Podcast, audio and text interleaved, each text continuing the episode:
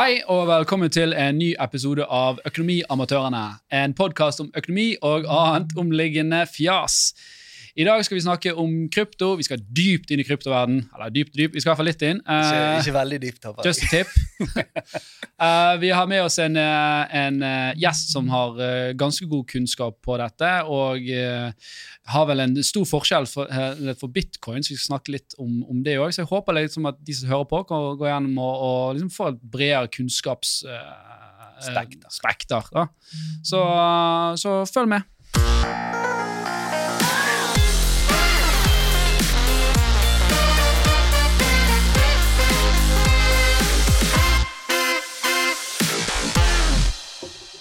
I dag skal vi inn i kryptoens verden, um, og eh, skal vi gjøre det, så Vi har jo snakket om krypto tidligere, og vi har hatt uh, noen gjester innenfor det.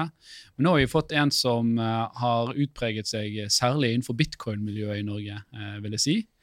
Eh, han uh, søkte på, uh, ironisk nok, som, som, som sjef, nye stillingen som sjef for sentralbanken da den stillingen var utlyst. Det er veldig gøy. Det er veldig gøy å Ja, snakke det om. Eh, og han har startet sitt eget selskap som heter Bare Bitcoin. Så vi skal snakke litt om det òg, og hans ideologi, får jeg si, om hvordan vi ser på dette med tradisjonell valuta mot kryptovaluta. Uh, skal jeg nevne at dette ikke er sponset av bare bitcoin. Podkasten er fortsatt sponset av Horde. Men uh, vi liker nå å snakke om sånne temaer som dette her. Så jeg vil si velkommen til eh, Torkel eh, Rogstad. Tusen takk. Veldig ålreit å være her. Gleder Ja. meg stort.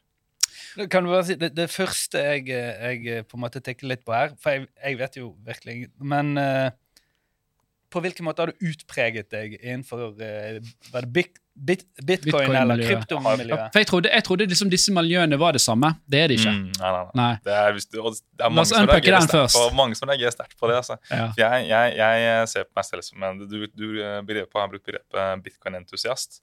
For meg er det særlig sånn den bitcoin-biten av det ganske viktig. da.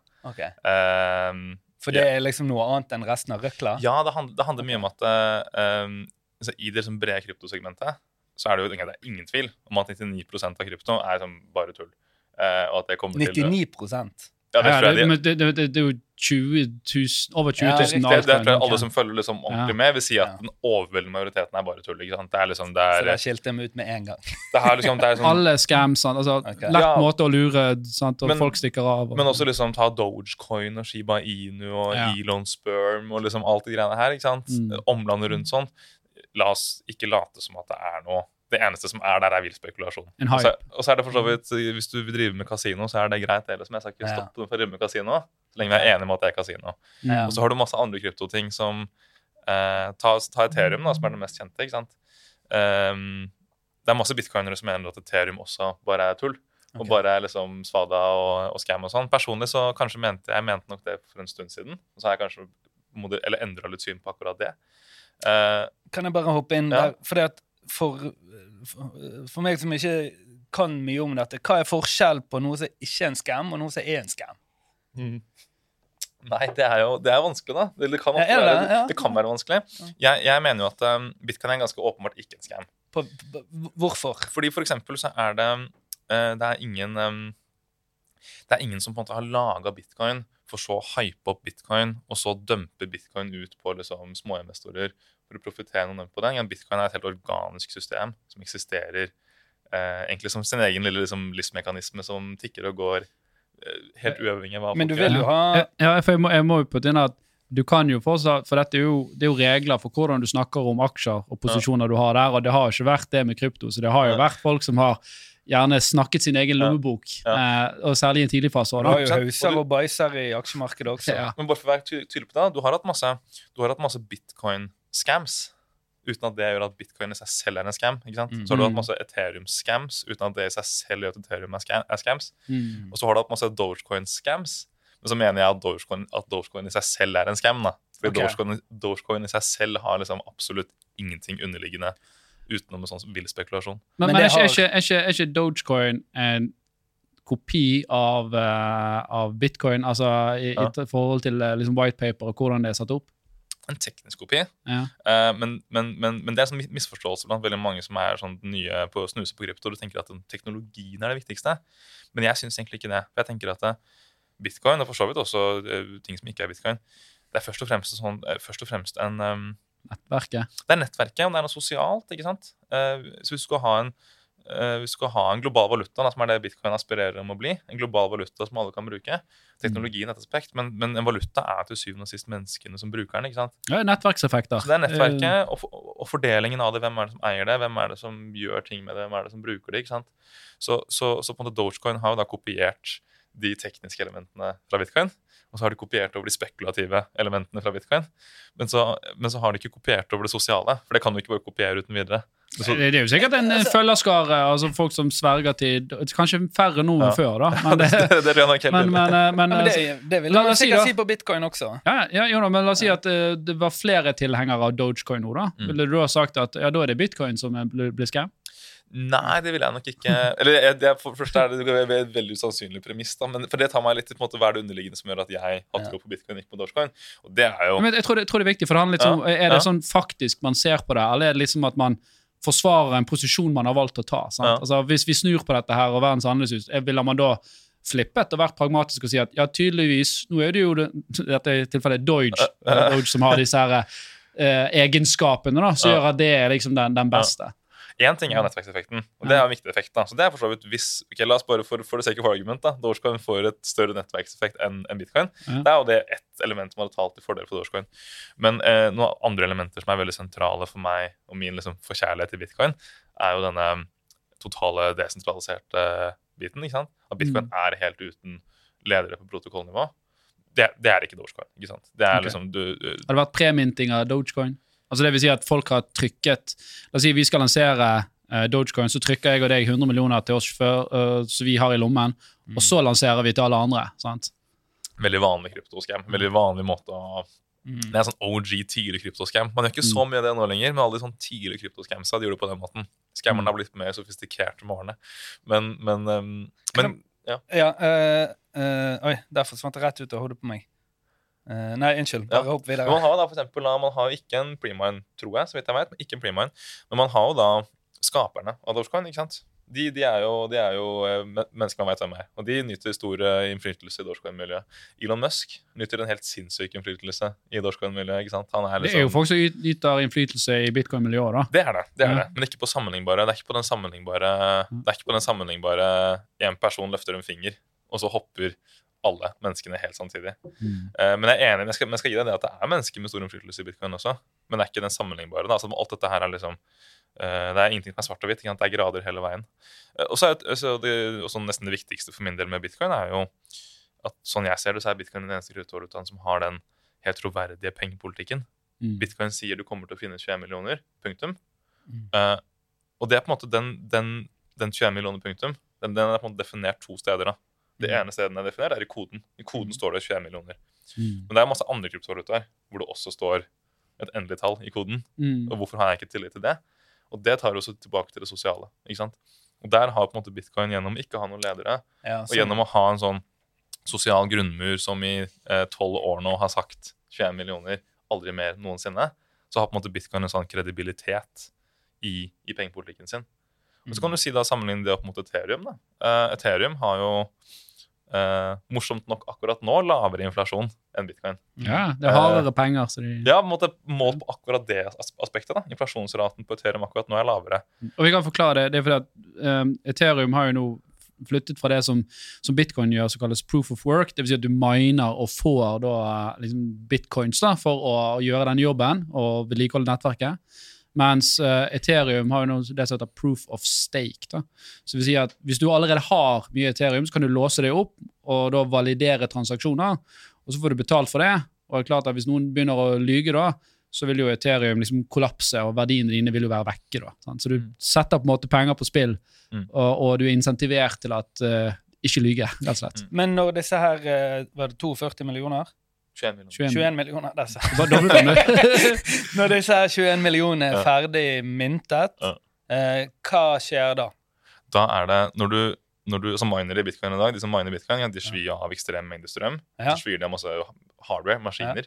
Det er jo en av de største kritikkene. sant? Ja, jeg, jeg, Det kan vi også touche på senere. nå. Jeg syns Ja. det faktisk er en bra ting, jeg, da, Ja. men det er en annen sak. Det kan vi komme på senere, kanskje. Men, men, men, men de som miner nå, de får på en måte betalt på to måter. da. Den ene er den, disse nye coinsene som mines. Mm.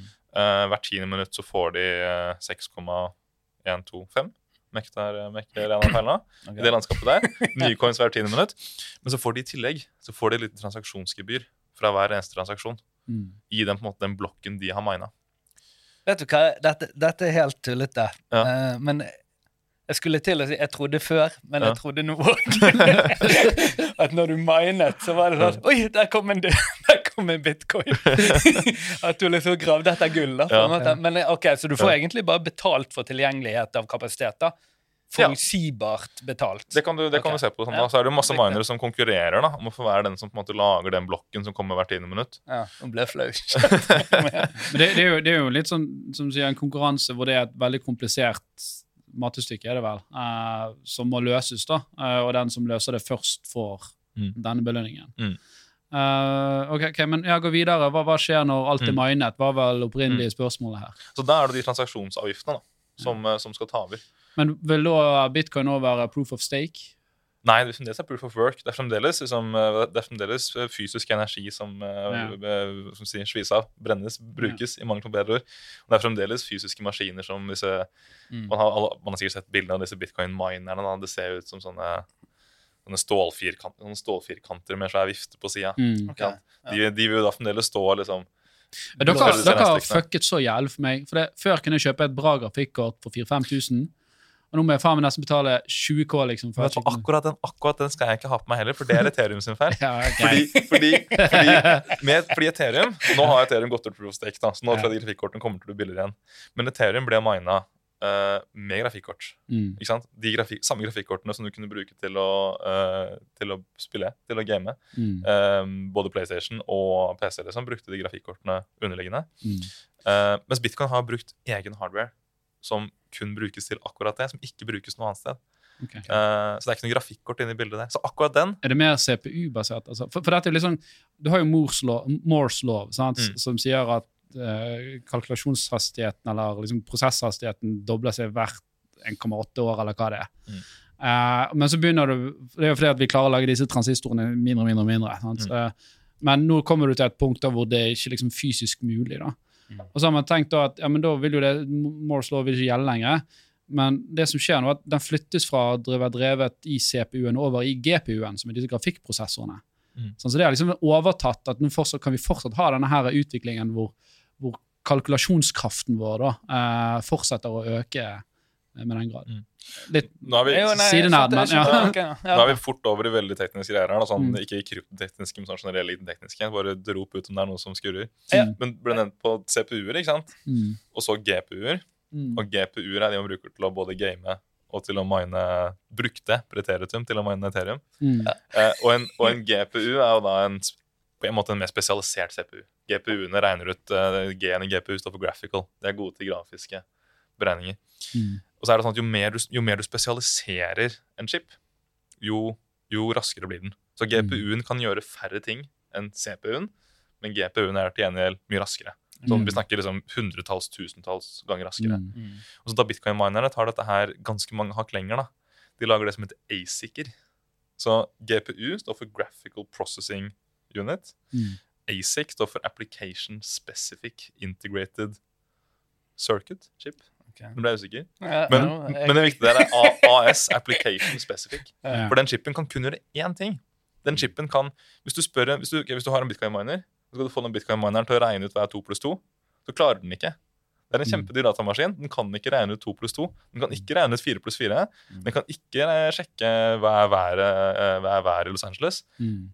Den kan kun gjøre én ting, og det er å mine bitcoin. Så har så har den programmert inn den ene liksom, Ja, ok. Ja. og så kan den kun gjøre det. Og til gjengjeld så er den helt sånn sinnssykt rask på det. da. Altså sånn Mm. helt useriøst rask. Mm. Men de har på en måte tatt det til det ekstreme da, og på en måte bytta bort eh, fleksibilitet og gått sånn sinnssykt snevert. Og til gjengjeld så får du liksom den raskeste maskinen Eller ikke, altså ikke engang raskest du kan tenke deg, for du kan ikke tenke deg det. Det er liksom tusen ganger raskere enn du kan tenke deg. Men det er sånn helt sånn useriøst effektive maskiner. Ja, ok. Og, det, og dette her faller på en måte inn under svaret på hva som skjer når vi er ferdig med disse Ja, det var der vi skulle. Det var der vi skulle. Det var det, var det at altså, man har Ja, disse, ja. transaksjonsgebyrene. Så til slutt er alle bitcoin mina. Da er det kun transaksjonsgebyret som skal på en måte insentivere strømforbruket og insentivere kjøp av disse maskinene. Um, Dette er det man kaller gas? Nei. Ja. I Ethereum, Gasfee, ja, Ethereum. Ethereum-land så kalles det gas. Ja. Um, um, så det vil jo si at um, når da alle bitcoin er mina, så er man avhengig av at nok folk har lyst til å sende bitcoin-transaksjoner. At nok Mm. folk har lyst til å bruke bitcoin-blokkjeden for å dermed finansiere sikkerheten i nettverket. Mm. Ok. Hvis det er mening? Jo, det, det gjorde det faktisk. Det er bra. Eh, hang Ok. på. Og greit, og, men jeg vil gjerne gå litt dypere. i dette, Liksom, hva er det som gjør at liksom, bitcoin er det, det som er the shit, da, kontra alle andre? sant? Mm. Du, du nevnte litt at okay, det er scarcity, ja, men det er andre som har scarcity òg. Ja, men det er, det er liksom dette miljøet eh, så, som man definitivt skal anerkjenne eh, at, at finnes. Mm. Men foreløpig så er jo liksom utilityen delvis begrenset, da, eh, hvor du kan bruke, altså hvor du kan kjøpe og bruke bitcoin. Så, så hva er det liksom som gjør at du er så, så ståltro på at det er liksom bitcoin som kommer til å være i Ja, det er jo For det første så er det verdt å nevne at jeg kan helt fint innrømme at det er godt mulig eller Jeg tror, jeg tror på at bitcoin kommer ikke til å være den eneste tingen som eksisterer av blokkjeder. Mm. Jeg, jeg, jeg har tatt innom at Ethereum kommer også til å eksistere. Ethereum kommer til å gjøre ting, den også, det også. Så når det kommer til at jeg først og fremst er liksom en bitcoin-fyr, så er jeg med på det at uh, det er det bitcoin forsøker å gjøre, som jeg liksom brenner for. da. Og det er Mm. nettopp å fikse pe pengepolitikken. Um, og der tror jeg bitcoin er mye bedre egnet enn alle andre kjeder. Men Ja. når du sier at han, Unnskyld at jeg Ja, avbryter, nei, men når, når du sier at han prøver, han prøver å fikse pengepolitikken, Ja. og han har ingen ledere, så Ja. vil du si at du tror han er en løsning på et problem i pengepolitikken? For det er ingen som går ut og sier at vi har lagd denne her fordi at altså, For det er jo ingen ledere i det. Nei, Nei helt klart. Jeg, for jeg tror at det underliggende problemet med pengepolitikken, for å ta det superkjapt, er at eh, ja, man sier at uh, makt korrumperer. Og absolutt makt korrumperer absolutt. ikke sant? Altså, de, Mm. gi, en, gi en fyr for mye makt, og så klikker det for ham. Eh, og da har man, som, For å bøte på det, så har vi masse mekanismer i samfunnet for å iblant holde litt igjen. Skal vi holde litt igjen, kanskje, på hvor mye makt vi gir til enkeltpersoner. Eh, og så tenker jeg at eh, akkurat pengetrykking er litt sånn spesielt, da, fordi pengetrykking er jo en helt åpenbar en ekstrem makt. ikke sant? Mm. Det har vært en kjempeintegrert del av liksom hva det vil si å være en stat. Alle stater har trykket sine egne penger. Og hvis du våger å trykke penger uten å ha statens godkjenning, så da er det de strengeste straffene staten har. ikke sant? Mm. Vi snakker liksom kokende lever Forfalsking, liksom. Ja, ikke sant? Ja. Falskmyntneri er liksom, det har blitt kokt levende i olje, og det er liksom ikke Ikke måte Norge i på dag. Mm. Jo, de har noen greier i kjelleren i Norges Bank, og det er liksom, det er, vi snakker ikke så høyt om det, men det er Jeg skjønner. Eh, det er en åpenbar kjempemakt i å trykke, i å trykke penger. Uh, og, så, og så tenker jeg jeg tenker at det kanskje er litt for mye makt da, Ja. i å trykke penger. Og man ser det liksom under um, Vi så det under finanskrisen i 08, så så vi det under eh, tidlig i covid. Da man virkelig lot liksom seddelpressa løpe løpsk og trykke ekstreme mengder penger. Mm. Og så ser vi det nå, for nå betaler vi sånn jeg ser det, betaler vi mye av den prisen. Vi, Ja. måte, vi, vi, vi, så det i Tyskland vi, vi, eh, vi gikk på en kjempe... før andre verdenskrig. Ikke sant? Med hyperinflasjon. Vi gikk på en kjempefyllekule tidlig i covid. Hvor vi liksom bare sånn Yes, nå trykker vi dere. Dette her er lættis. ikke sant? Mm. Det er klokka halv ett. Du er i ferd med å bevege deg ut på byen. ikke sant? Du er liksom nede på øl nummer 11-12. ikke sant? Det er kjempegøy der og da. Nå er vi liksom klokka halv elleve klokka halv elleve formiddagen etter, og du våkner opp, og det er sånn Hva var det jeg gjorde i går? ikke sant? Det begynner å demre for deg.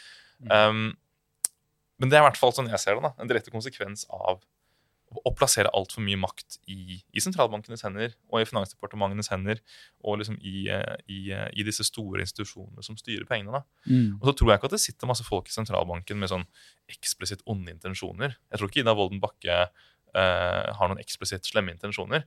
Men jeg tror at hun på en måte er plassert i et system hvor det havner veldig veldig mye makt i, eh, i Ida Wolden Bakkes hender og i eh, Jonas Gahr Støre sine hender og i alle andre liksom, toppledere i det offentlige sine hender. Og der mener jeg at bitcoin er kjempeviktig. Fordi bitcoin på en måte tar all den makta måte bare fjerner den fra samfunnet. Den, den fordeler det ikke til noen andre engang. Den bare fjerner den makta. Og så er sluttresultatet et samfunn hvor liksom akkurat den makta er borte. Da, og det tror jeg er en god idé. Jo, men OK, la, oss, la oss gå litt på fin- finansteorier, da. det, det, er jo ikke bare, det er jo ikke bare stater som lager penger. Mm. Sant? Uh, hvis jeg har trykket 100 kroner Mm. uh, og gir det til Torstein Torstein putter det i banken. Han har sine 100 kroner. Men banken låner de ut til deg òg. Låner 80 kroner ut til deg. Da Mm. eksisterer det plutselig 180 kroner her. Mm. Sant? Så det er jo andre måter å liksom det genereres så Det der at det trykkes penger, er jo ikke liksom den eneste måten hvor, hvor penger genereres på. Så, så Mm. hvordan ser det ut i en verden? Hvordan skal du lage renter på Mm. dette her? Det vil jo liksom eksistere teknisk sett Hvis du låner i bitcoin, så vil det teknisk sett eksistere flere. Hvis, hvis han har liksom staket deg, for han har jo fortsatt verdien av 100 bitcoin, Mm. Men du har lånt 80 av de bitcoinene, sant? så egentlig eh, eksisterer det 180 Mm. kroner i bitcoin. Den store, Eller bitcoin, da. den, store, den store forskjellen her vil jo være det at eh, for det som du sier at det, altså, altså Penger flest lages jo ikke av sentralbanken. Penger flest lages jo av kommersielle banker. Av Mm. DNB og Sparebank1 og liksom alle, alle vanlige banker. Mm. Um, og, Men det er jo, altså, det er jo kontrollert. Det er Ja. ja. og så er sentralbanken backstoppen. da. Sentralbanken, Det er på en måte det som er hovedfunksjonen til sentralbanken. er er den lender of last resort, den backstoppen som er sånn Mm. Når shit hits the fan, Mm. så, så, så, så lover vi dere. Vi lover at da kommer de voksne inn i rommet og plukker opp restene og feier litt. og Ja, men så er det jo regulert i form av at de sier sånn 20 er sånn grunn Jeg husker ikke Grunnkapital Ja. og altså kjernekapital. Da. ja, Kjernekapital. Mm. Ja. Ja. Men, men det er jo nettopp da det at når da sentralbanken skal være denne backstoppen, denne lender of last resort, så, så mener jeg at du får et system hvor, hvor det ofte bygger seg opp Jeg, jeg, mener at det er, Det, det er jo flere ting. Da. Det er jo bare at Du har jo ikke full sikkerhet på pengene dine i banken. Sant? I Europa så er det jo opptil 100, 100 millioner. Sant? Så du har, jo en, Ja. du har jo en risiko som altså, Litt av den risikoen for at bankene gjør det dårlig, havner jo hos forbrukere. også, Mm. da, Som er grunnen til at du annet har et obligasjonsmarked som er Mm. kjempestort. Mm. For De som har veldig mye penger, de tør ikke ha pengene i banken. For Hvis banken går konk, så ser de aldri igjen. Mm. Så de er villige til å putte det i en stat hvor de får null rente, for da er de i hvert fall trygge på at den staten vil i hvert fall gjerne trykke penger, bare for, for at jeg skal få pengene mine igjen. Ja. Um, Men det var ikke meningen å ødelegge en, ting er, en ting er det at en enkel bank kan gå under, liksom. Ja. Men mer sånn, når liksom hele finanssystemet truer med å gå under, mm. så kommer sentralbankene på banen. Ja. Og så mener jeg at det skapes noe uheldig dynamikk, fordi du, du får en dynamikk hvor, hvor alle tar mye mer risiko enn de ville gjort. Mm. For de veit at det kommer en bailout. Too big to fail. Too big to fail, ikke sant? Og kan jeg bare si, for eh, to-tre episoder siden så Ja. hadde vi Peter, Peter Warren uh, inne. Mm. Uh, han sa jo liksom det han, han tror veldig på ka eh, kapitalisme, men det får ikke fungere av akkurat den grunnen som du sa nå. Mm. Mm. Det er det man gjerne kaller moral hazard på engelsk. Jeg mener at det er helt sånn i kjernen av hva som er feil med den liksom, kapitalismen uh, uh, eh, vi lever med.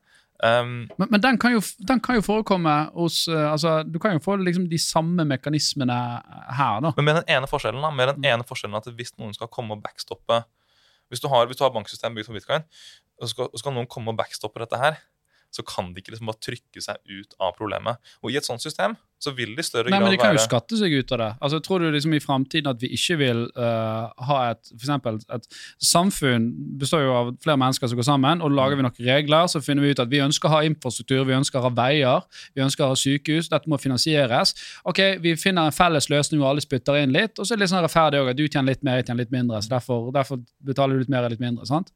sant? Og, og det er jo ofte der man finansierer disse her bombartene òg. At man får det gjennom skatteseddelen, ikke nødvendigvis med at det trykkes mer penger. Mm. Sånn, Så jeg, jeg forstår at det fjerner litt av problemet, men, Mm. men jeg ser jo liksom at mange av disse her det er et mer komplekst problem enn at det er bare sentralbanken. Verden er kompleks, og jeg tror verden er langt mer kompleks enn uh, Verden er langt mer kompleks uh, enn da jeg liksom først ble frelst for bitcoin. Da jeg først ble- frelst for bitcoin i 2017, eh, så har jeg skjønt at verden er mer kompleks enn det jeg trodde verden var i 2017. Eh, og så er- og så- og så og så tror jeg verden er ofte mer kompleks enn enn mange folk med fikse ideer om fikse liksom, måter å endre verden på. Er, verden er sikkert mer kompleks enn sånn jeg forstår verden nå også. Ja, Men- om fem år så sitter du og tenker faen, hva er det jeg snakket om? hva var det jeg sa den dagen? Ah, ja, nei, ikke sant? Men det, men det, det underliggende poenget, da, som jeg har tro på, selv om jeg anerkjenner at verden er kompleks, Mm. er det at um, når du ikke har den backstoppen med liksom en Du har på en sånn panikknapp som er en sånn derre Vi kan alltid printe oss ut av problemet hvis det går skikkelig ille. Mm. Hvis du ikke har den panikknappen, så tror jeg det fører til liksom to ting. da. For det de- første så fører det ja. til litt mer sånn ansvarlig sånn long term ansvarlig oppførsel i finansmarkedene. Mm. Og så tror jeg også det fører til litt mer sånn at man snakker jo gjerne om et annet sånn- sånn sentralt konsept i kapitalismen som jeg mener at vi har litt for lite av, da, er sånn, altså kreativ ødeleggelse. At, at ting Mm. får lov til å gå til helvete. Ja. Eh, at at på måte, dårlige selskaper går konkurs. Og det er Mm. viktig. For det, for det frigjør liksom, det frie markeder og det frie kapital det frigjør ressurser til selskaper som tenker på bedre måte. Mm. Nå tror jeg vi kanskje har litt for lite av det, særlig i finansnæringen. At, eh, at ting får ikke lov til å på en måte gå over ende når det burde gå over ende. Og Mm. Istedenfor så lar du det bygge seg opp over år og tiår uten å egentlig fjerne problemet. Da måtte du bare skjøve problemet under teppet. ikke sant? Og så Ja. plutselig har du et kjempeproblem. Kick the can down the road. Boiling, boiling frog eh, Ja, det er masse Ja. Og det er samme, det er samme man snakker om skogbranner også. ikke sant? Ja. Man, eh, uten at jeg er en ekspert på skogbranner, så, så, så mener jeg har hørt at liksom, noe av problemet er at man driver og gjør sånn for aktiv eh, slukking av små branner. Og, så, Mm. og så får man noe sånn kjempebilde ikke sant, av sånne monsterbranner. Så kanskje det hadde vært bedre da, om vi faktisk lot, lot naturen gå liksom, sin branngang fra tid til annen brenne litt, Mm. istedenfor å få de monstersvære greiene. Ja. Og, det, og det er jeg redd for at vi på en måte har kvalt litt da, i det finanssystemet vi har nå, med sentralbanken vi har nå. Så på en måte lar vi ikke den der helt nødvendige røktingen foregå fra tid til annen. Jeg, jeg, jeg ser den jeg kjøper den, og det er ikke meningen å være liksom djevelens advokat hele tiden, men det er jo liksom gøy å diskutere. liksom, for, for jeg jo sånn, ok, La oss si en framtid hvor, eh, hvor eh, bare bitcoin av Torkel Mm. eh, står for eh, 50 000 arbeidsplasser i Norge, eh, viktig infrastruktur i betalingsnettverket. Mm. Sant? Altså, se- selv om Du kan jo fortsette på det ganske høy risiko, nå, og så skjer det noen eksternaliteter som ikke du forutså. Du trodde ikke du hadde høy risiko. Mm. Og så sier jo staten at vi, vi kan ikke la bare bitcoin gå konk, for, for da, da mister 50 000 jobben, og vi kan ikke betale for ting, og alt går til helvete.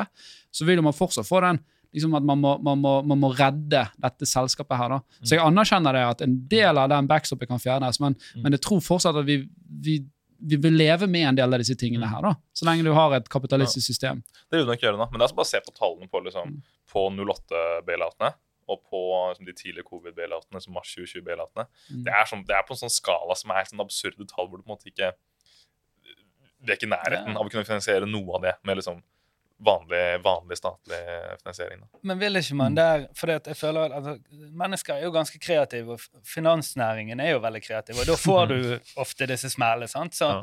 når man sier liksom at eh, ja, ok, det er bare to, eh, to, 21 millioner i omløp, eh, så det er en begrensning der i seg selv, sier du, et, et godt poeng. Mm. Da tenker jeg at noen sier ja, men sånn syntetiske greier, da. Det Mm. er jo veldig spennende hvis det er begrensninger. Mm. Og da vil jo man igjen bare bygge opp. Vil, Mm. ikke man det? vil ikke det være et resultat, på en måte? Ja, og så vil forhåpentlig, det er Mitt håp, da, kanskje jeg er håpløst naiv nå, men mitt håp da også vil jo være at um, hvis du har et selskap da, som bygger for mye syntetisk, og som for så vidt da bygger opp risiko, og tar risiko, til slutt så går de under. ikke sant? Ja. Det er på en måte mitt håp. da. Og så- vil det være en smertefull prosess. da. Og så vil det være en smertefull prosess for investorene i det selskapet. Og, forhåp- Mm. og dessverre vil det også være en smertefull prosess for eh, de som har ikke bare liksom investoren, men la oss si det er en bruker på plattformen eller et eller annet. Da. Men det er på en måte også sånn derre um, um, En nødvendighet da, å la de som Så tar du for mye risiko, så er det markedets oppgave å på en måte nappe ut Helt enig. Mm. den, den greia. da, Og det må Altså, jo på en måte la hvis det går til helvete, Ja. går det bra, så blir du styrtrik. sant? Ja.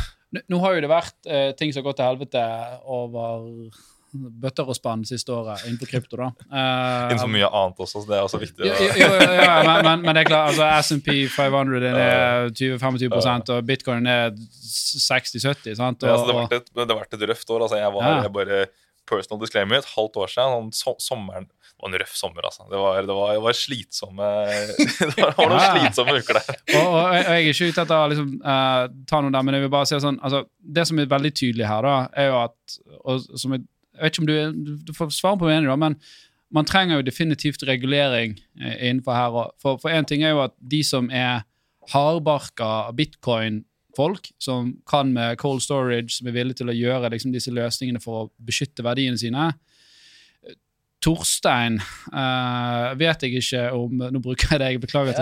Eh, ha- han vet ikke om jeg ville vært komfortabel med å ha én million kroner på en USB-stikk i kjelleren sin, og så glemmer han det passordet, og så hei hvor det går. Altså, folk, Noen vil jo betale for at noen andre tar den risikoen. Og Torstein han vil, han vil heller ha tilgang til noen småkroner når han skal ut eh, på byen. sant? Kan jeg bare si, eh, Akkurat det du tok opp nå, det var det jeg skulle spørre om i sted. Ja. eh, hvor jeg ikke fant spørsmålet. Denne totale graden av desentraliseringen. Ja. Altså, det, det er fordi jeg, jeg vet at eh, altså, du, du syns det er positivt.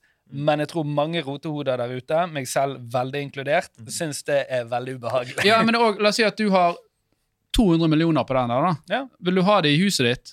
Vil, altså, noen kan jo slå deg ned sant? eller kidnappe. Det har jo vært Ja. tilfeller med det. Der finnes det jo kule Ja. løsninger. og det kan vi også, den, der finnes jo løsninger som, som lar deg gå bort fra hele den der ha alt på én USB-stikk i kjelleren din. Mm. Du kan splitte dette her opp over flere sånne USB-stikker. Jo, men poenget mitt er at- men, men, jeg- men, men jeg ser poenget. til det, Og så dør jeg, og så mine Ja. arvinger. Så bare, Hvem faen hadde passordet, da? Ja, ja, Da må vi flytte ut av huset, da. og, jeg, og jeg kjenner jo selv folk som jeg kjenner jo selv, Nå skal ikke jeg name and shame her på, på direktesendt podkast, men jeg kjenner jo flere folk som jobber i kryptobransjen, som sjæl ikke oppbevarer sin egen krypto. Mm. Fordi de synes det er stress. Og så har jeg vært litt sånn Nei, men hvorfor kan du ikke Hallo, du, du jobber med dette her, liksom. Kom igjen, please.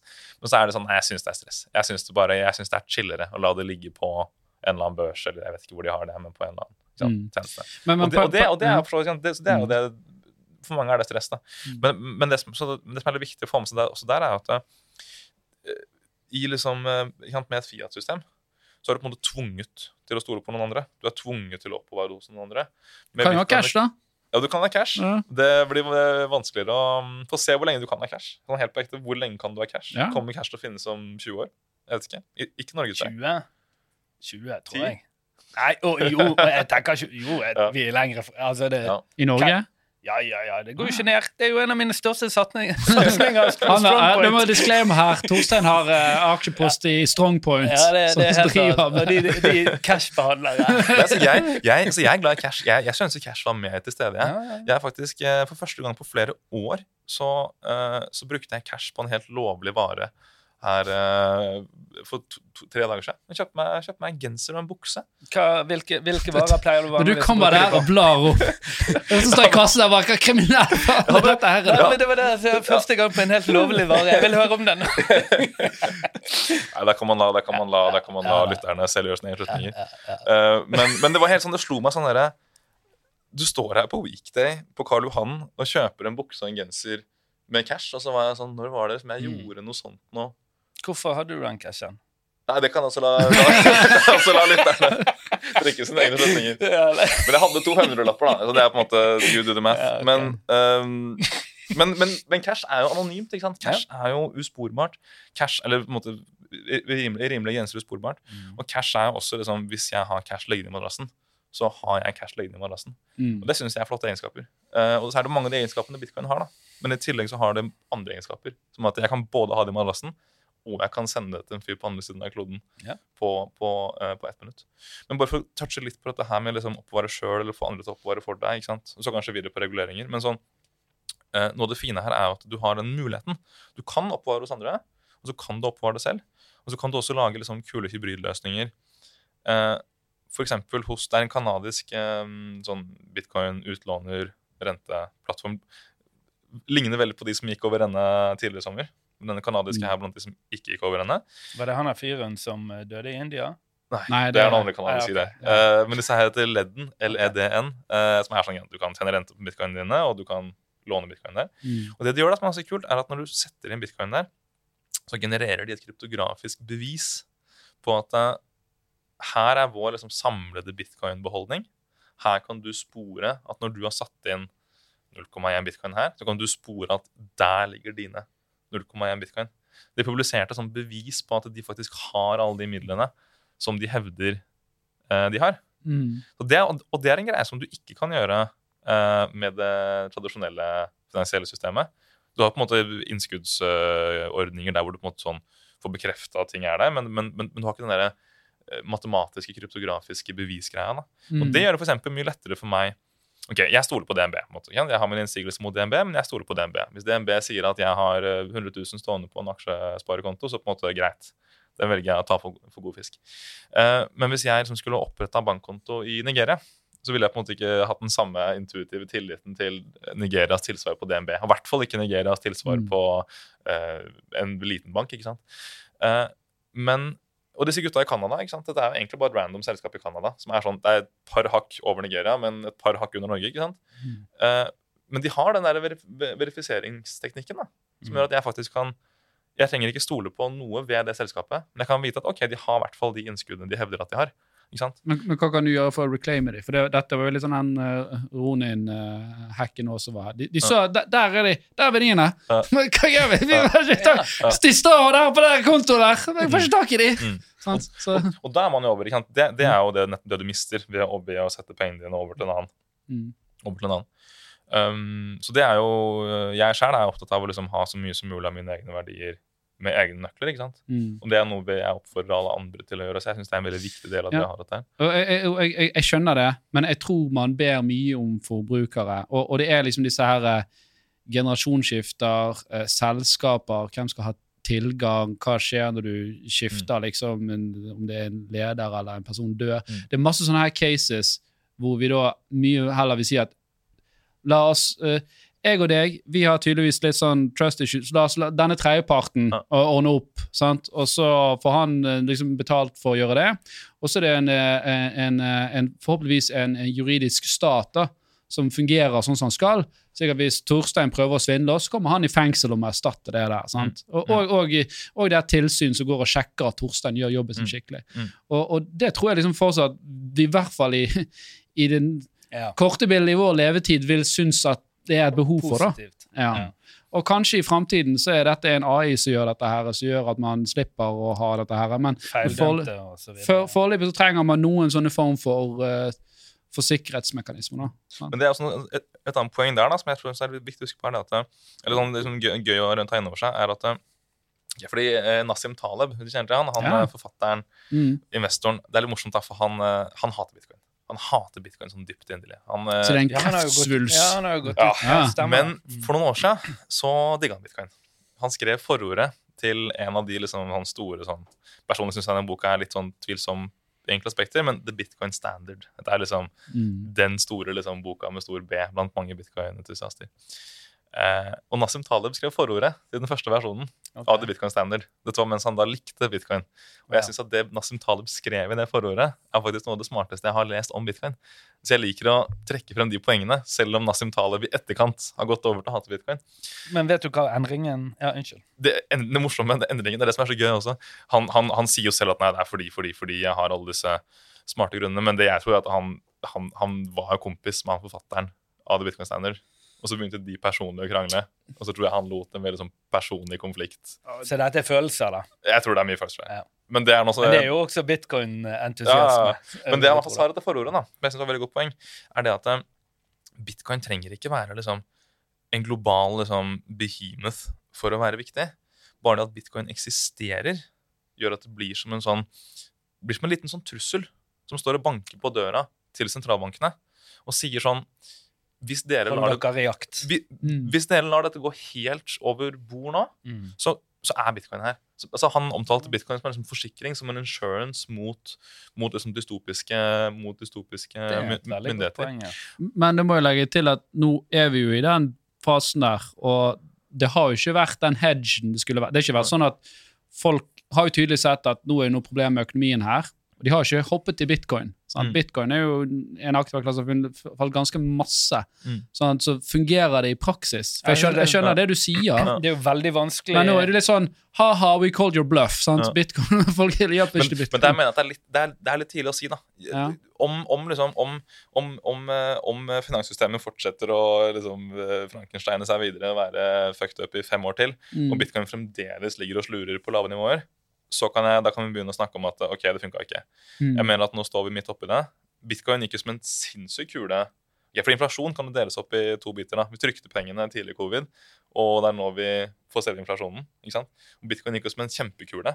Det, det er jo flere ting som driver inflasjon, da, Ja. enn at man trykker penger. Jo da, det er, ja. Ja. Men, men, men, men, men poenget mitt var det at bitcoin gikk som en kjempekule når bankene uh, trykte masse penger. Mm. Um, man kan si at det var en hedge mot Men var ikke det liksom på grunn av at folk fikk mer penger da, og så Ja. vil de, jeg vil investere, jeg vil ha ting som Mm. vokser. Sant? Så grådighet Jeg ser bitcoin, det har Mm. vokst fra 20 til 60. Mm. Jeg vil være med på dette toget. Etterspørsel økte. Ja. Mm, mm. Ja, altså bitcoin, bitcoin lever på, i likhet med veldig mange andre aktive klasser, le, måtte le, thrive på grådighet. Det er Under, under korona så var det veldig mye som steg på bakgrunn av at folk har penger til å investere. Ja. Og, ikke sant, og, så, og så strammer sentralbanken inn igjen. på en måte Man, man, man trekker litt i nødbremsen. og liksom Både aksjer eh, og, og krypto og bitcoin og liksom eh, masse rart Mm. går eh, ganske mye dårligere. Um, og det er litt sånn eh, for å ta en annen diskusjon, da, men det er liksom, synes jeg, synes jeg er litt trist å se. da, At veldig mye markeder bare er redusert til en sånn der eh, sentralbankbikkje som liksom logrer med halen etter hva sentralbanken finner på.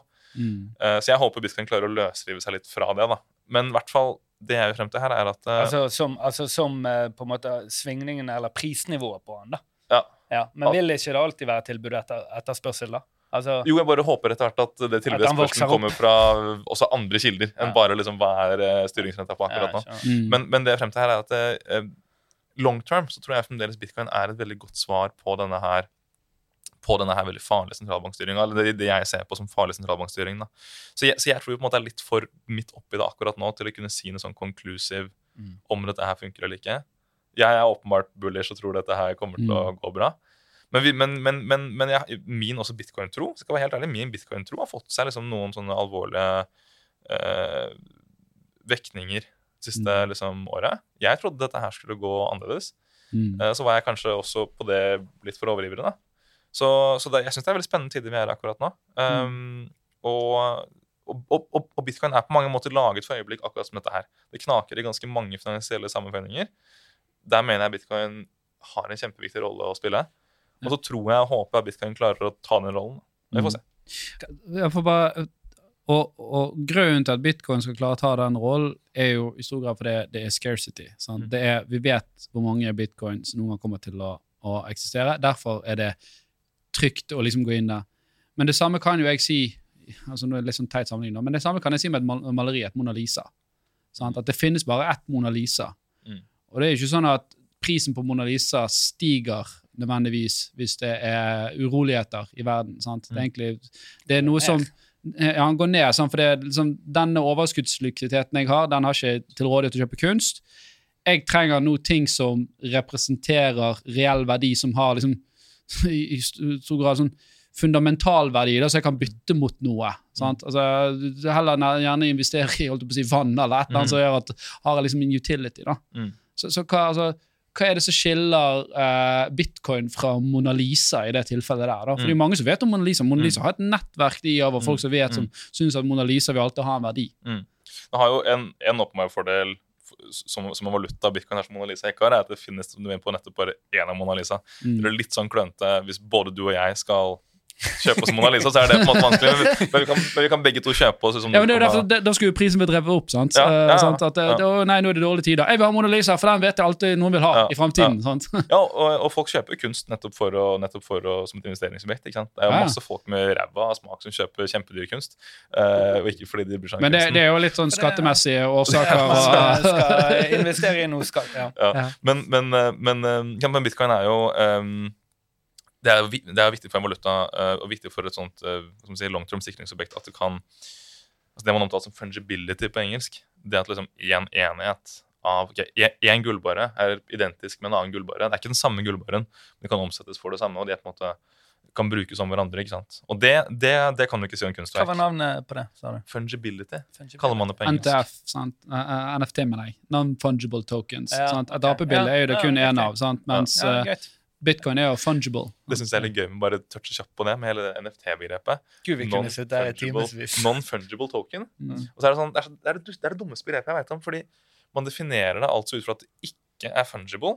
Og så, og så spør du sånn, hva er dette begrepet? Det er ingen som, Hvis du spør en random person hei, kan du forklare hva det vil si at noe er fungible, så jeg, jeg vet ikke engang hva det er på norsk. Jeg bruker bare det engelske begrepet fungible. Ja. Og jeg er litt over snittet interessert i dette her. ikke sant? Og spør du en random fyr hva er en fungible greie, og så er han sånn gudene veit.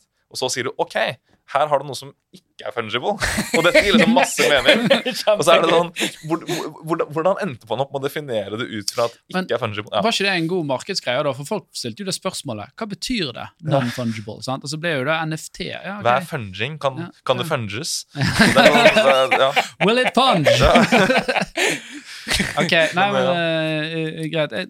Veldig, veldig spennende. Jeg, jeg, Jeg har, jeg, har et Ja. siste spørsmål her, uh, hvis, hvis vi skulle over på noe annet. ja. Jeg satt og tenkte litt på det, for det at, uh, en av disse tingene du verdsetter med, med bitcoin, er at det er 21 millioner. Det, det er maks. Mm. Sant?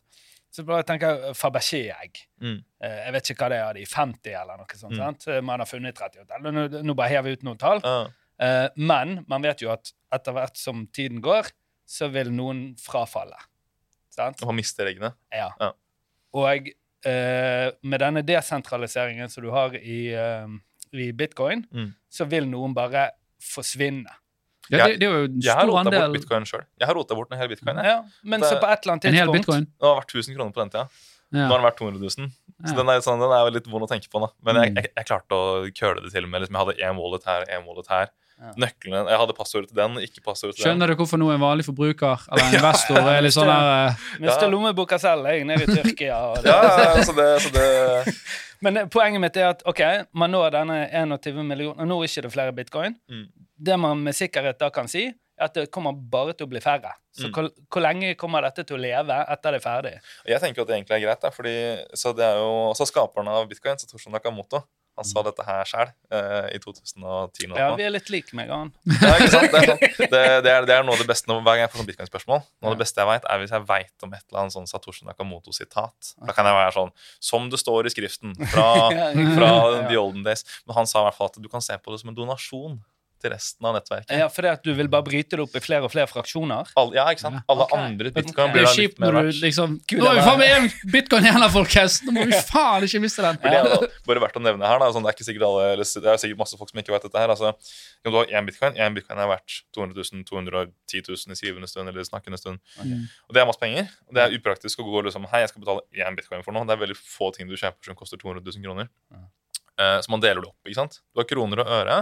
Og så har du bitcoin og eh, sats, eller satoshis. oppgått Oppkalt da, skaperen av bitcoin. Satoshi Nakamoto. Sats er kortversjonen. Jeg har prøvd å Er introdusere en, er, vet man hvem det er nå? Nei. Det er bare det navnet. Ja. Ja. Jeg har, prøvd jeg har slått et lite slag for å prøve å introdusere SATS på norsk. Jeg vet ikke om det er catcha helt. Altså treningssenteret? Nei, men med, med æ? Oh, ja. Sats. Sats. Satoshi. Sats. Okay, ja. jeg, vet jeg, jeg vet ikke om det er catcha helt. Vi, vi Men du gjorde et nytt forsøk nå. Ja, ikke sant?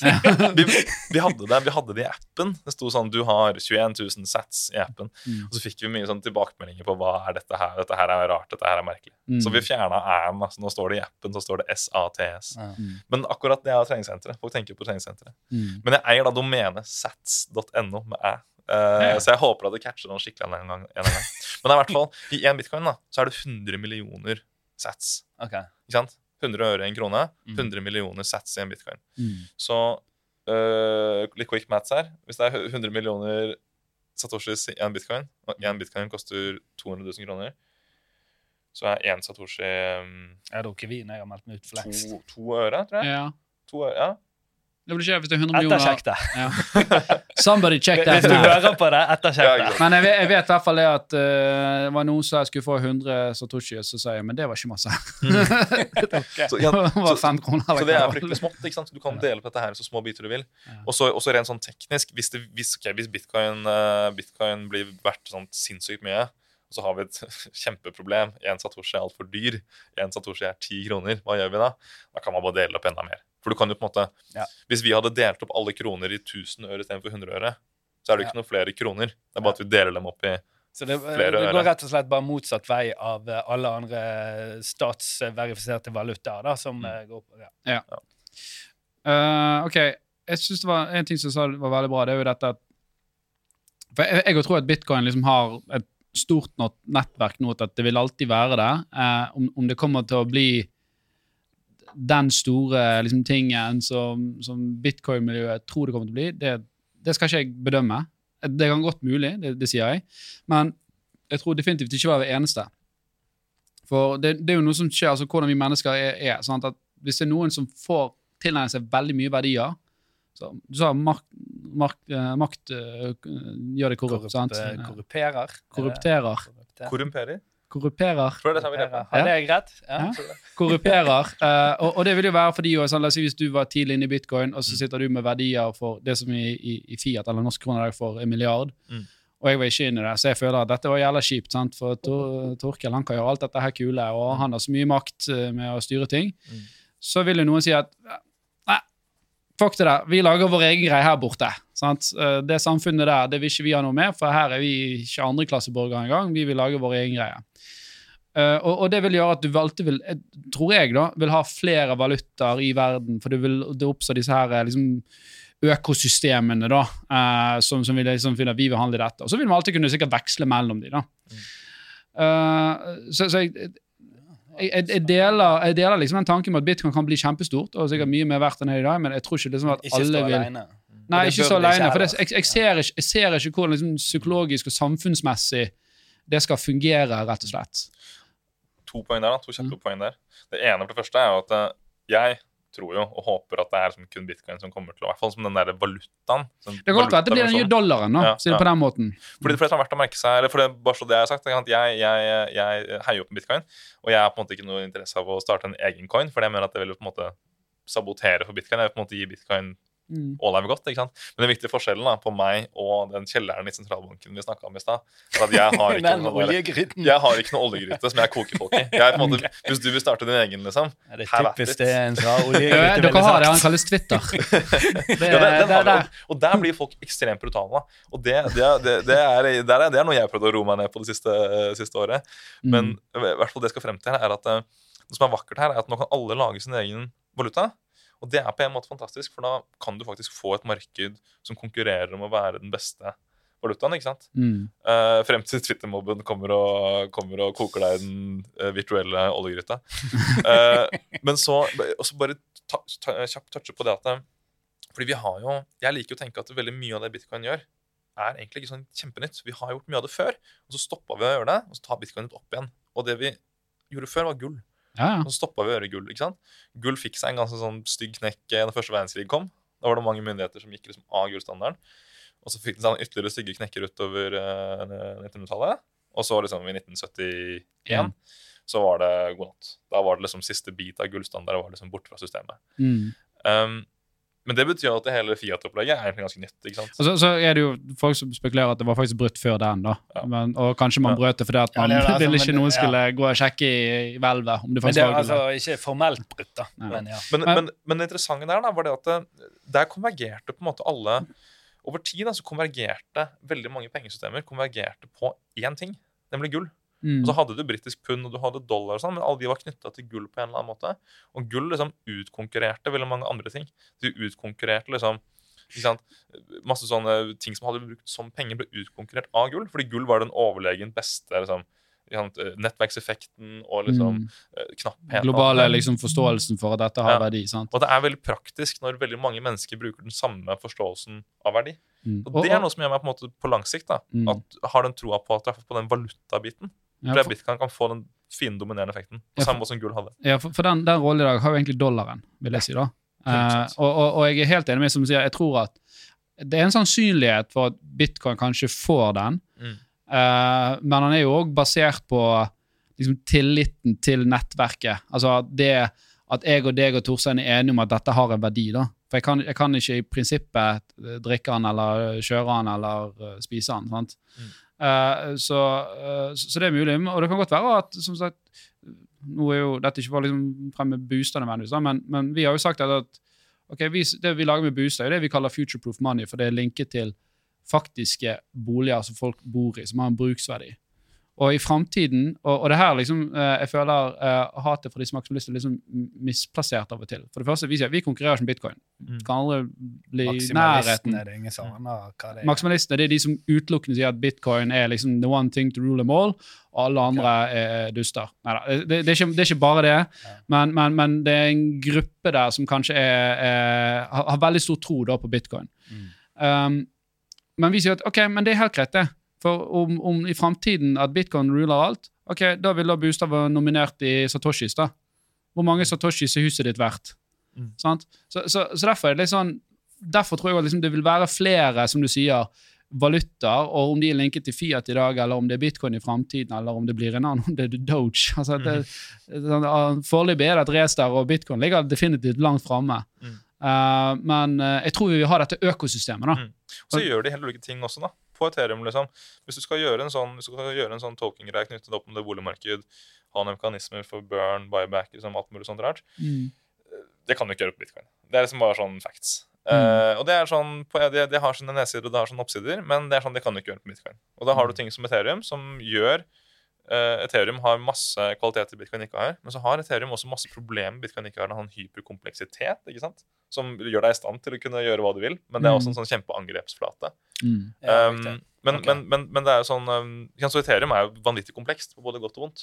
Mm. Uh, og jeg tror at den Gir mange muligheter for Jeg, jeg, kan jeg adressere den, for vi, vi sjekket jo flere forskjellige kjeder. og altså, Både det som altså, hovedkjeder, sånn som uh, Solana og Ethereum. Og så har du uh, det som kalles andreledds, altså second layer protocols, da, som Polygon, som er bygget oppå Ethereum. da. Men vi, vi valgte jo liksom Ethereum fordi at der var det mest tried and proven. sant? Uh, og så startet vi med en hypotese om at dette er det vi ønsker å gjøre, og så kuttet vi vekk alt ekstra. liksom Kun det som vi følte som dette her er testet en million ganger nå. Uh, her. Folk, liksom, så mange folk har prøvd å hacke alt dette her. Så det, det er kun liksom de tingene som vi skikkelig var trygge på vi tørde å bygge der. Ellers bygger vi faktisk veldig mye. altså Mesteparten av det som skjer med Bustad, er off-chain. Mm. Det er kun den distribusjonen av, av Mm. tokenet. Mm. Uh, det er en burn protocol der og litt sånne type ting. altså Helt sånne basic Mm. ting. da, for Det, det, det som viser med disse her DAO-ene, eller disse veldig kompliserte systemene, er at du finner et hull der. Hvis noen vil, så vil, kommer det inn. Og også blokkjeder er jo grusomt herkete. da. Altså Det er sånn Mm. der folk som, folk som er sånn, Det var kanskje mest sånn 2017-stemning forrige liksom, store bullrun på krypto. Men sånn, som er veldig sånn der alt skal på blokkjeden. Mm. Tydeligste er sånn at Du aner ikke hva snakker om, fordi blokkjeder er ekstremt herkete å forholde seg til. Enten det er bitcoin-blokkjeden eller Ethereum eller hva annet det skal være. Det er så herk. Alt er så mye vanskeligere enn alt mulig annet. Og så har du noen unike egenskaper, da, som er den ikke stole på noen, ikke sant. Eh, alle kan delta, det er helt åpent. Det er eh, kanontrygt når du gjør simple eller sånn når du sier at alt er så mye vanskeligere kan du, jeg, jeg, jeg, har vært bitte litt inn i dette, så jeg Ja. forstår det litt, men bare eh, Ja, det er for eksempel, for eksempel eh, som du, vi, vi nevnte jo denne var det den, Er det Ronin? Som du nevnte i Ja. stad? Ronin. Um, største kryptohacken eh, noensinne. For noen måneder siden. Ja, det var dette ranet. Yes, Det Ja. var uh, morsomt nok. Så det var en sånn NFT-plattform som ble Mm. sinnssyke mengder uh, altså flere, Vi snakker flere milliarder kroner, tror jeg, tilsvarende i verdi. Ja, ja, det var latterlig. På det tidspunktet. Nå er det et par eh, hundrelapper. Seks, milliarder, eller hva det var. og vet dere hvem som Ja. eh, sto bak? Nei, Mm. Vet man. Nord-Korea. Ja, jo, jo, det, det Nord-Korea. Stemmer. Nord-Korea er Ja. blant de hotteste på hacking av kryptoprotokoller. De har jo ingen eksportinntekt, sant, så Ja, de har jo eksportinntekt. ja, det så. Så, så helt på ekte Nord-Korea har blitt sånn powerhouse innenfor kryptohacking. Mm, Eh, det, og de tjener ekstremt mye penger på det, så det er jo mm, på en måte Nord-Korea som gjør det fascinerende. Fascinerende, kan vi, kan vi heller kalle det. Ja. Uh, men eh, det er i hvert fall Nord-Korea da, som hacka jo største kryptohacken noensinne. ikke sant? Eh, og Det er vel ikke kanskje så mange andre steder i verden hvor du får liksom statlig støtte sikkert for, for å gjøre den type aktivitet. så, et par andre land. søke invasjon Nord-Korea for, for, å kunne gjøre- for å kunne gjøre en FT-hack. Men i hvert fall så Da var det på en måte ingen Da kunne du ikke ringe noen voksne og være sånn Hei, dette her gikk ikke helt som planen. Kan vi bare rulle tilbake? Ja, ja. Har vi sikkerhetskopi? Kan vi, går det an å skru av og på? Det er sentralisering. Ikke sant? Fordi det er, det er liksom Gjort er gjort. Da, da er det gjort. Hvis, hvis um, Uten at jeg veit sånn altfor mye om hvordan Horde funker teknisk Hvis en eller annen Horde-utvikler har en skikkelig dårlig dag på jobben og driter seg ut, Så har vi backup, ja. så har dere en eller annen database man kan ta hente en backup fra. Og man, har, man kan rulle tilbake til forrige versjon, og så er det sånn Jeg, jeg skal ikke si hvor mange, for det, vi skal ikke liksom utlevere vår sikkerhetsstruktur, men vi har ganske lang tid med Vi kan Ja. gå tilbake og verifisere Ja. disse tingene her. da. også, Og så- Det er tatt høyde for. Ja. For, og det er sånn når man lager software, og det er samme når vi lager liksom bare bitcoin-appen også, ikke sant? og når folk lager hva som helst, både finansielle og ikke-finansielle ting, så har du muligheten til å lage litt sånn uh, safety measures rundt deg, som er sånn veldig kjekt. Du kan, du kan faktisk, også hvis du, sånn, hvis du driter deg ut nettbanken, da, så kan du faktisk ringe en voksen. Du kan ringe den voksne personen i banken og være sånn Denne tredjeparten. Og det er det jeg tror vi kommer Ja. til å ha i framtiden nå. For du kommer til å drite deg ut med, med Satoshien din ja, på byen. Og så må du, må du ringe noen og si at 'dette var ikke det jeg skulle'. Ja. Nå har noen fått tak i noen greier her som jeg ikke skulle ha. Ja. Um, så eh, Men ja, jeg, jeg- liker analogien, da, at du kan liksom ringe en, eh, ringe en voksen. Mm. Så. Og det kan du ikke på, på blokkjeden. da. Og det er, liksom, det er på godt og vondt. Det, er, det gode er nå åpenbart at um, da er det heller ingen slemme voksne som kan komme og gjøre Mm. ting mot din vilje. Men, men, men du mister det Mm. sikkerhetsnettet. da. Ikke sant? Så da må Ja. du være ekstremt sikker på hva du gjør. Og du må ha sånn vanvittig stålkontroll. Det er på mange måter liksom paralleller til liksom programmere raketter til månen. ikke sant? For du har Mm. liksom bare ett take. Hvis du fucker opp én gang, så er det sorry, da er det, Ja. er det Ja, de, du sender jo som regel flere raketter. Uh, vel, det, det, dette er en veldig gøy ting, da. eh, og dette er helt sidespor, men siden vi var inne på det Mm. Vi klarer jo ikke å gjøre det samme som man gjorde på 70-tallet. Ikke fordi at vi ikke har liksom ressurser til det, Mm. bare fordi at den teknologien er gått tapt. Så de, Mm. størrelsen på de rakettene vi sendte opp eh, på 60- og 70-tallet, eh, slutten av 60-tallet, 70-tallet, Mm. vi får ikke det til igjen nå. Så vi har gått ned i teknologistandard på det området. Og da må man spørre seg hva er det vi har begynt med siden tidlig 17-tall? Ja. Vi har begynt med Fiat-penger. Oh. Nå, nå har vi Svaret ditt på alt! ser, vi ikke, ser vi ikke en parallell her? Det er veldig, sånn, Nei, ikke helt. det, det, det er veldig gøy. Jeg anbefaler å sjekke det ut. Det er veldig gøy. eh, What, what happened in 1971.com, som viser sånn, er viser sånn?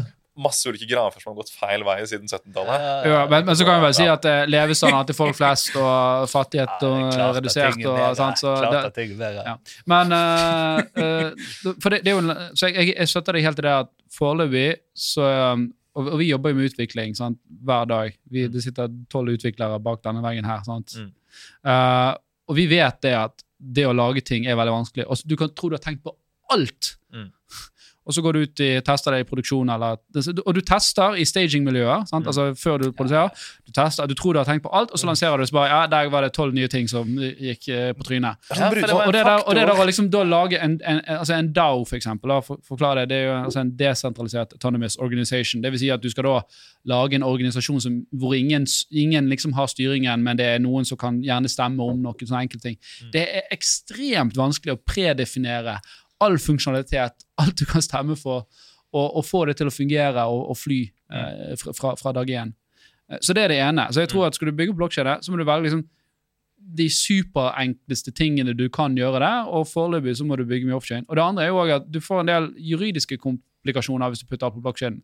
Hva med GDPR? Du har rett til å bli glemt. Mhm. Du har rett hvis, hvis du er Horde-bruker, så kan du si til Horde jeg vet du skal slette meg.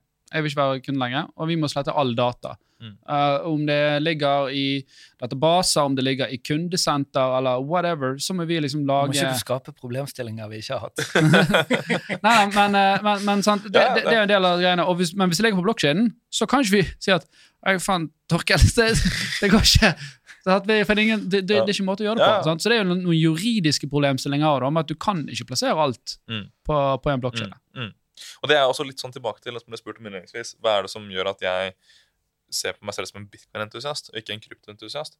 Og her er vi egentlig ved kjernen av mye av dette her, nemlig den kompleksiteten. da. Fordi bitcoin er liksom Bitcoin er kjempeenkelt. Bitcoin er latterlig enkelt. Du kan på en, en helt vanlig telefon, hvis du har litt beefy SD-kort på telefonen din eller SD-kort, hvis du har litt, hva er det det heter da? Så bare, ja, du litt, hvis du har litt beefy lagringsplass, lagringsplass på telefonen din, så kan du uh, laste ned hele bitcoin-blokkjeden. Beefy, altså. Noe, Altså, altså noe- kraftig Hvis du har, Mm. hvis du har liksom terabyte på telefonen din, okay. ikke det heller. Du har, ja, la, oss, la oss si en terabyte. da. En, Ja. en, litt dyr telefon nå har en terabyte lagringsplass. Okay. Da kan du laste ned hele bitcoin-blokkjeden. Du kan verifisere samtlige bitcoin-transaksjoner gjort noensinne. At alle følger alle regler. Du kan i praksis ha total trygghet på at liksom, det som skjer nå, er liksom 100% legit. Mm. Uh, og det kan du gjøre på en telefon. Og det, og det er egentlig ganske remarkable at du, at du, at du kan uh, verifisere all finansiell historikk på Mm. bitcoin på en telefon. På Ethereum så kan du ikke det. Uh, på Ethereum trenger du en uh, relativt beefy eller relativt kraftig PC. En laptop vil mest sannsynlig ikke få det til. Jeg prøvde Mm. på min to år gamle Macbook. Det funka ikke. Jeg fikk det til på min to år gamle desktop-PC. Men det er jo fordi at informasjonen som lagres på Ethereum, er jo Det er mer informasjon, Mm. det er mer kompleks informasjon.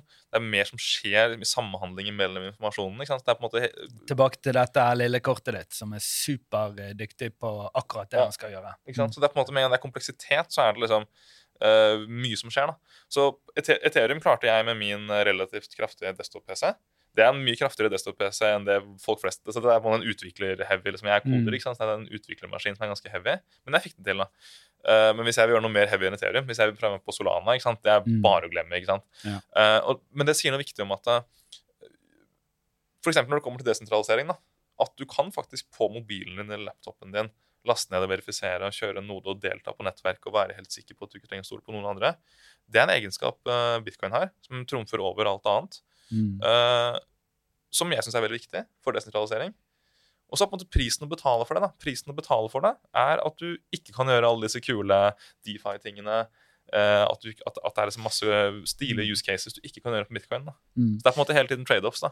Um, Og da, og da, liksom, da går hodet mitt tilbake til hvorfor, hvorfor, liksom, hvorfor bitcoin? Altså hvorfor, eh, hva er denne underliggende verdien? Du sier det er det Mm. sosiale. Okay, Det sosiale kan erstattes, og sosiale er det alltid feil med, og, og rett med. Så. Men det er det mange som har prøvd. men Det er tusenvis av folk som har prøvd Ja, på akkurat det. det er jo en ganske begrenset periode, da. Ja, det er Jo, 14 jo, men år, det, det, det, jo- altså, ok, nå, 2008. Bitcoin kom etter finanskrisen. sant? Hva var det? 2008-2009, eller? Ja, Det midt i ble først liksom, så det ble først liksom uh, The White Paperet. Ja. kom eh, halloween eh, 08. Så Ja. det nærmer seg jo straks 14-årsdag. Ja. Og så ble koden sluppet i januar eh, 2009. Ja, så, Og, og, og da kan man si ja, ok, nå er det det som Hva var spillet på Tossetspoeng, da? Eh, du har jo òg selskaper som regjerer i 20-30 år, og så kommer det noe annet som bare klubber det i hodet. Mm. Altså Nokia, eh, kamera, Kodak, eh, whatever. Masse Mm. oljeselskaper, masse teknologiselskaper som var store. Som, som, som, som har liksom lange tidsperioder hvor det er best, Mm. og så kommer noe annet som er, er, er, bedre. Sant? Mm. Så, så, så derfor sier jeg at det er vanskelig liksom å forutse liksom hva, hva det vi ser, og jeg, jeg, jeg anerkjenner liksom poengene med dette, og at det, det kan være noe som, som er der, men så, samtidig også er det også, du ser på psykologien til forbrukere, eller, eller Mm. for, for, du trenger masseobduksjon hvis du skal få den, den unike, liksom den eneste sta- dollarstandarden, kall det det. Mm. Eh, og, og da er det jo og noe som heter at det er ikke alltid det beste produktet som vinner. Sant? Det som er teknisk best, det er det som gjerne har enklest, eller løser et eller annet på en eller annen måte som gjør det litt enklere. Mm. Uh, og om, om du da liksom gir, For å oppnå det, at du må gi slipp på så mange av de unike egenskapene som bitcoin har, med at du må ha liksom disse tredjepartene du stoler på, Mm. sånn, så vil jo det liksom forringe litt av liksom det Mm. verdiforslaget. Mm. Mm. Det det altså, det var godt poeng. alt, alt kan skje, og det er noe av det som jeg synes er det, Jeg synes bitcoin er så fantastisk fordi bitcoin kan stå i fri konkurranse til dollaren. Ikke sant? Mm. Så kan markedet velge.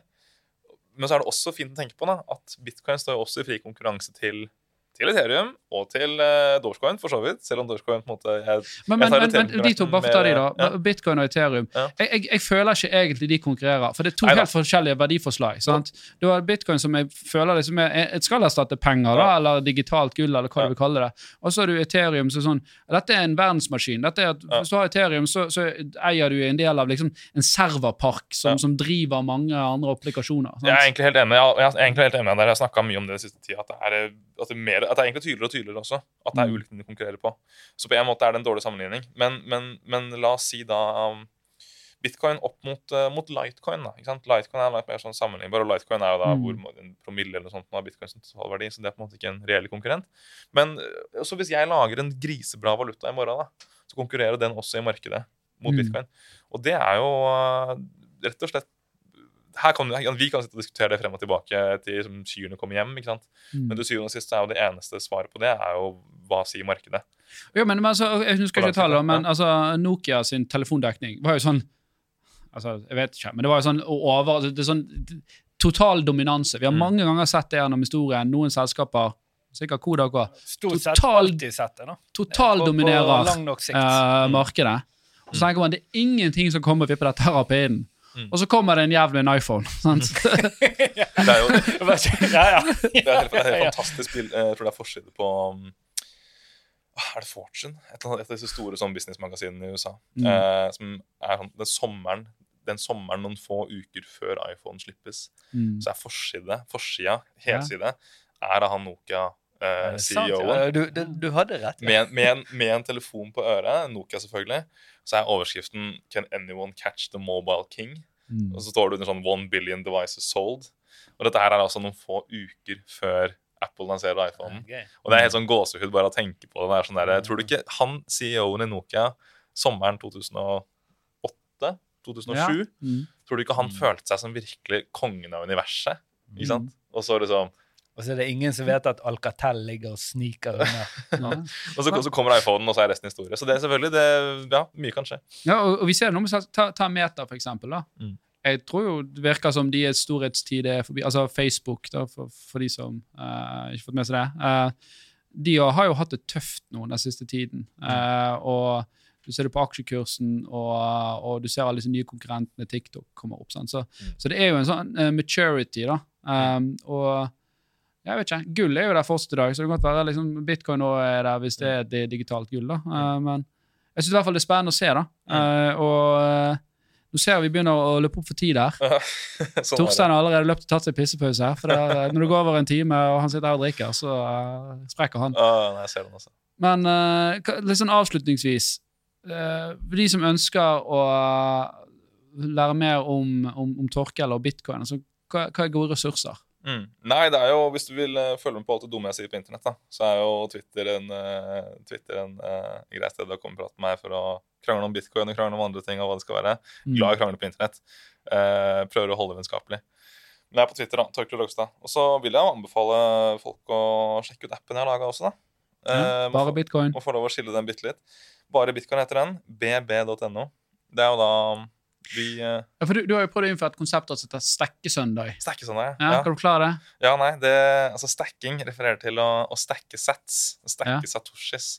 Bygge opp en liten samling med satoshis. Å stek, Å stacke sats er å kjøpe Så litt sånn som en pokerstack, så at du stekker chipsene dine. Ja, skal du stekke mer og mer og mer, og mer, og så skal du liksom forhåpentligvis gjøre dette her liksom, med Bygge et stack, sant? Ja, og gjøre dette her med regelmessige intervaller. da. Mm. Og så slo det oss å stekke søndag. Det klang bra. Så vi prøver nå å lage en ny høytid. Stacke søndag. Da syns vi alle burde kjøpe litt bitcoin. Og så syns vi selvfølgelig at man burde kjøpe det gjennom bare bitcoin. da. Mm. Vi er, jeg synes vi er Norges beste måte å kjøpe bitcoin på. Vi er, eh, vi er raske, vi er enkle. Du får kjøpe bitcoin på tre minutter. Størsteparten av tida så er vi blant de aller billigste stedene å kjøpe bitcoin også. Mm. Det, det, det går jo alltid opp og ned, men det kan folk sjekke sjøl på kryptopris.no. Og ser Mm. de hvem, hvor er det til enhver tid billigst å kjøpe bitcoin. Tror du at du kommer Altså, framtiden til bare bitcoin, er det kun en markedsplass for å kjøpe bitcoin, eller bygger du et økosystem rundt dette? Så vi har jo lyst til å Dette her kom ut av en kjærlighet til bitcoin. ikke sant? Mm. Jeg er fryktelig glad i bitcoin. Uh, så jeg har på en måte lyst til å uh, lage produkt som gjør det digg å eie bitcoin i Norge. I første omgang så er det en smooth måte å kjøpe bitcoin på. Og så etter hvert kommer det sikkert mer. En smooth måte å selge på? Kanskje det også kommer. Hvem veit? Mm. Uh, Ok, Så du kan kun kjøpe i dag? Ja. okay. Det stemmer. Vi kan, vi Må kan du kun kjøpe. overføre til andre plattformer for å selge? Ja. Ja.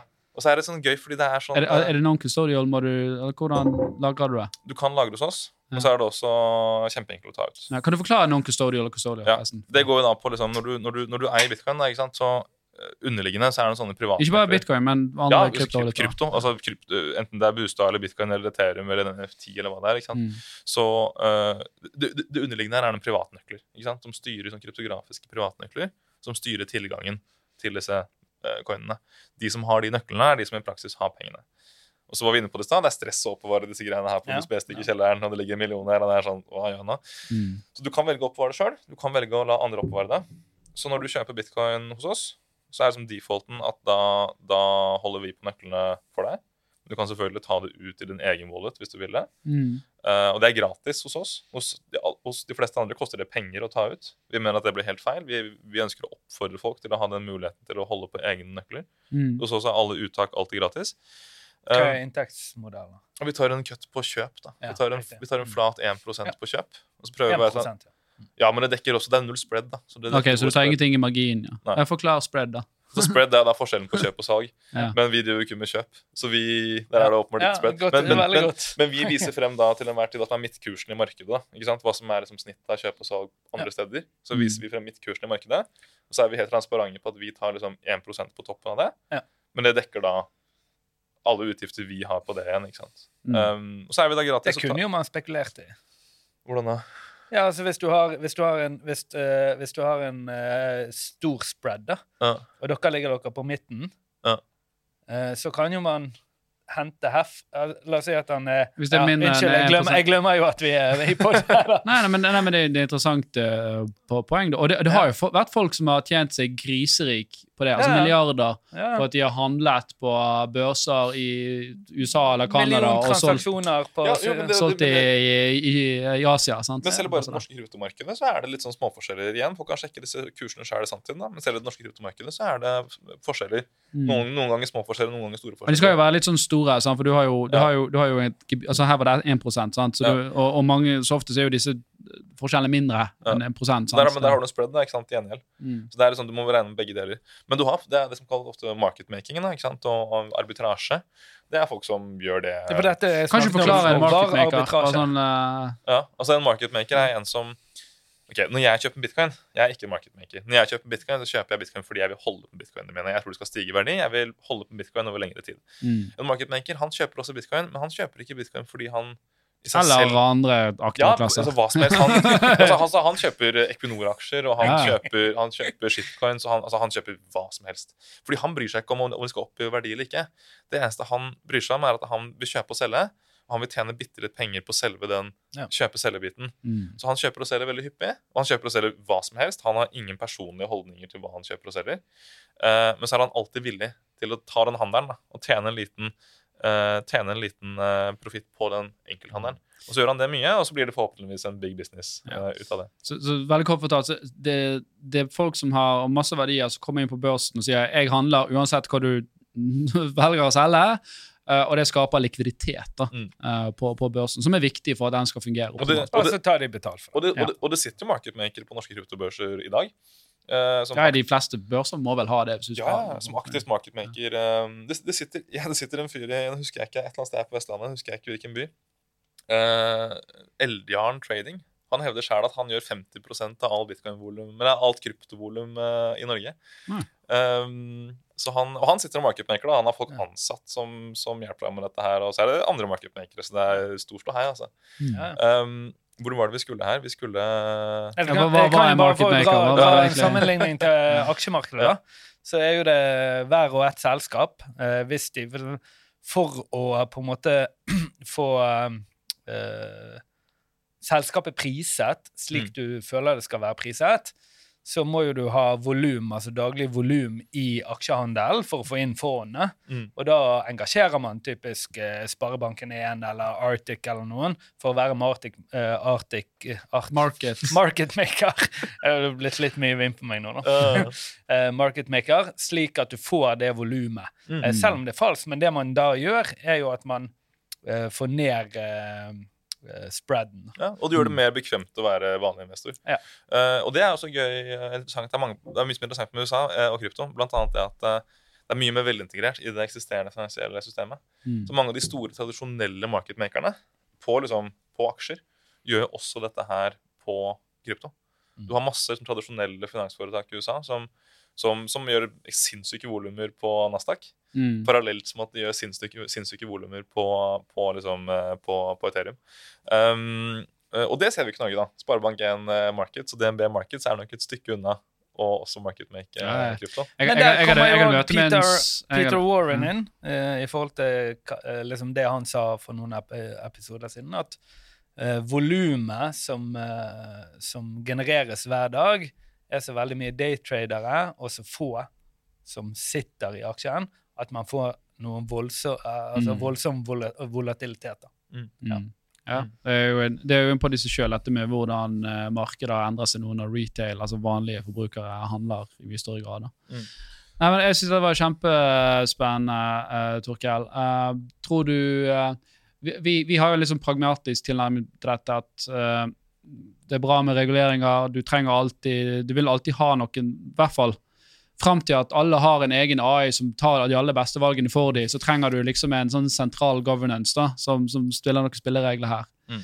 Uh, hvordan er du verden om eh, 20 år?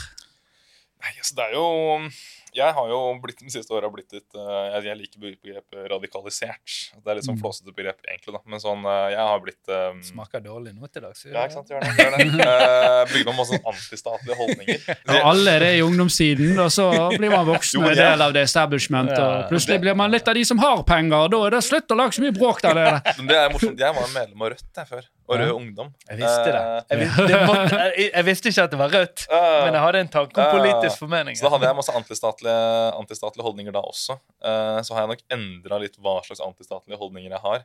Men, de, men selve essensen av antistatlige holdninger har liksom blitt bevart. da. Uh, Altså det, det at man kan være en, en liberalist eller eh, altså en individualist, at man, man Ja. tror litt på at liksom man Og, og det, det i hvert fall deler jeg, da, at man skal man, jeg, jeg, man skal liksom minske liksom det statlige inngrepet da, så langt Mm. man kan. Sånn, De, de er der for å forvalte noe infrastruktur på vegne av felles, Ja. eh, og så skal de la markedet få styre resten. Mm. Eh, og, og, men Det er det motsatte. Det er rødt. sant? Men altså, jeg, jeg, jeg, jeg, Nå gikk vi over til et jeg, er veldig, jeg, er- jeg er veldig tilhenger av person, personlig frihet og, Ja. og personlig ansvar også, for så vidt. da. Uh, men ja, ja, for det var litt sånn merkelig, for du sa rødt, for det er jo et, mer sånn, det er jo et knallhardt sosialistisk ja, eh, så har jeg flytta meg enormt siden det. da. Jeg har Ja. meg kjempelangt siden den Så du gang. du var en av polene. Og det var, jo, det var jo bitcoin som fikk meg til å plutselig bli interessert i markeder. da. Og skjønne Mm. at oi, kanskje markeder er interessant, og ikke djevelen. Mm. Uh, så jeg eh, eh, Full disclosure, jeg stemmer til venstre forrige valg. Anser det som sånn relativt pragmatisk um... Det fornuftige partiet som ingen stemmer på. Ikke sant? Det er Torstein Thomsen. Det sa det. Det er jo alltid det. Alle er jo Venstre har det mest fornuftige programmet, men ingen som stemmer på det. Og jeg skulle kanskje ønske at Venstre turte å være enda litt mer venstre. da. Ja. Rendyrke, altså Ikke venstresiden, men rendyrke de liksom Mm. klassiske liberale. Når, liksom, når Abid Raja faktisk tør å snakke om liksom legalisering av hasj, da blir jeg sånn Der skal Venstre være. Mm. Det, er- det er det Venstre jeg liker å se. liksom. Mm. Venstre som er liksom tør å være litt venstre, da. Det, det, er jo, altså, det er jo litt sånn Frp, men ikke rasshøl. Ja, det er, ja, men, jo, men det er den sympatiske, sympatiske innstillingen til frihet. da. Ja. Uh, så um, så for, for å prøve å svare på et med regulering, da. Um, det er vanskelig. På en måte, Idealisten i meg får lyst til å si få det bort alt sammen. liksom. Burn it down og la Ja. enkeltmennesker eh, Jeg tror ikke du sa nett sannheten er i liksom gråområdene, da. Altså, er ikke det Verden er er så slitsom, for verden er så kompleks. Ikke sant? jeg har lyst til å ha deg inn i en ny pod. Kan vi snakke om politikk? Ja, For jeg merker at du har vært på hele Ja, spekteret. Ja, Det du snakker om nå, er liksom anarki. Det er jo nesten det du sier nå. Ja, Og så har du vært liksom kommer fra Rødt. Dette ja, er kjempegøy. det er gøy, gøy reise, Men, jeg, altså. men jeg, jeg må rekke et fly.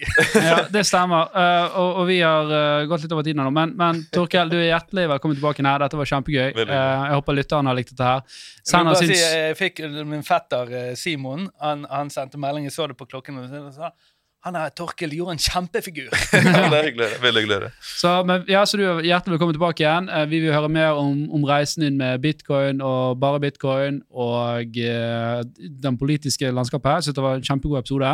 Send oss gjerne spørsmål i våre kanaler. Du finner oss på TikTok og Instagram. Uh, lite på Twitter. uh, men ja, vi vil gjerne dine feedback. Hva spørsmål har, har du til Torkel, som eventuelt kan sende til han, eller ta i neste pod? Ellers ønsker vi alle en god uke. Snakkes. Ha det bra.